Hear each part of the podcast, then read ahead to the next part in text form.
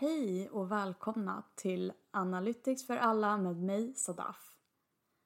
Innan jag sätter igång dagens avsnitt så vill jag bara uppmärksamma det som sker i, idag i världen och hur pass olyckligt och orättvist det är att människor fortfarande måste kämpa och besegra ett krig som verkligen borde varit slut för länge, länge sedan.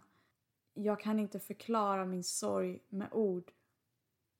För bland annat de som har gått bort tidigare i USA på grund av sin hudfärg samt George Floyd.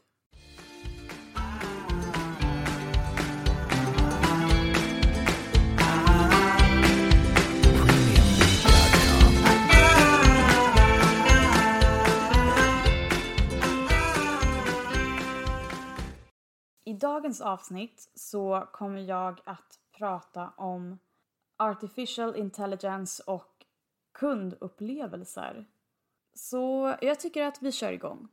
År 2025 kommer så många som 95% av alla kundinteraktioner att gå via kanaler som stöds av AI. Detta är något som Microsoft själva har uttalat sig om.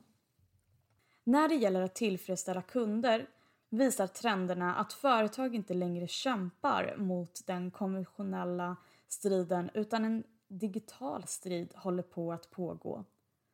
Vi börjar redan se resultatet av detta. Enligt Gartner ökade användningen av AI med 270% under de senaste fyra åren.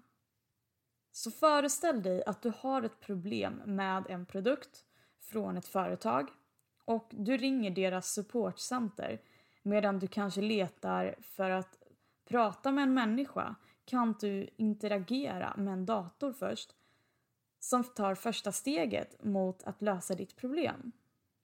Och jag tror att vi alla har varit där då vi går in på en hemsida eh, för att få hjälp med, eh, låt oss säga bredband. Um, och det första som sker är just att det kommer de absolut vanliga standardfrågorna. Och antingen så behöver man skriva i svaret, exakt det svaret som de vill ha eh, i ord liksom. Eller så får du klicka i svaren i chatten. Detta är dock inte en traditionell virtuell svarsystem där datorn frustrerande kräver att du upprepar dig själv och ofta gärna om och om igen. Utan du behöver bara antingen då i telefon att du pratar eller att du skriver och den förstår precis vad du menar. En kärnfunktion i AI är att maskinen förstår kunden oavsett om det är skillnad på accenter eller dialekter.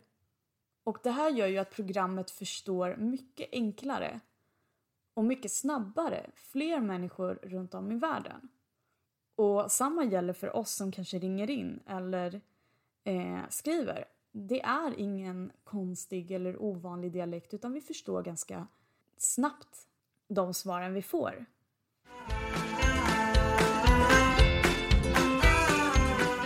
Interaktionen är som en människa som ställer frågor för att lösa problemen som du har. Ännu viktigare är att den ger dig användbara svar och förslag. Inte bara det, utan också ett snabbt och effektivt sätt.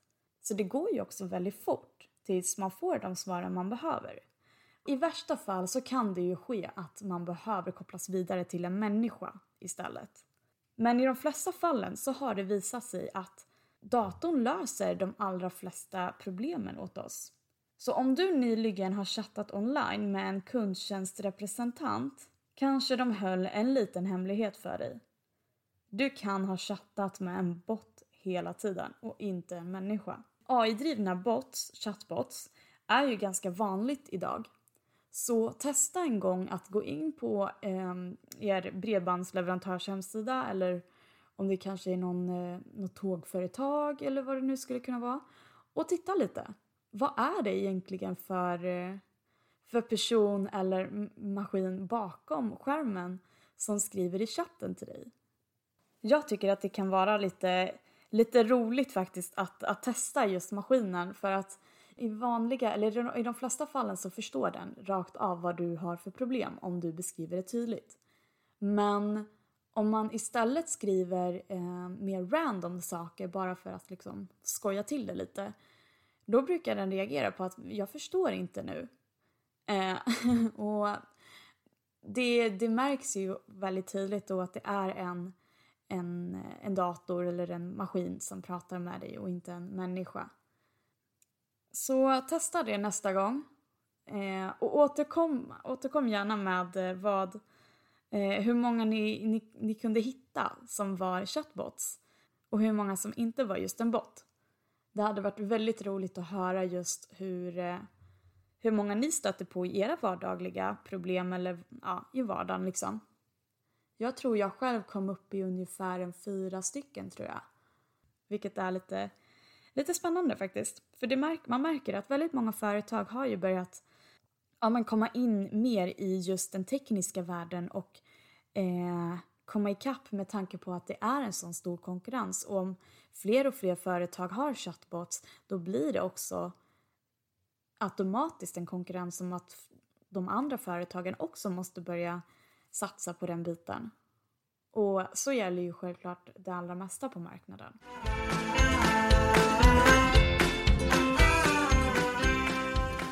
Dagens avsnitt börjar lida mot sitt slut och eh, ännu en gång så blir det ett lite sent avsnitt den här veckan eh, men det är extremt mycket eh, på jobbet och jag, eh, eh jag, jag, jag gör så att jag kan just nu med, eh, med podden och eh, ni får ha lite överseende med det.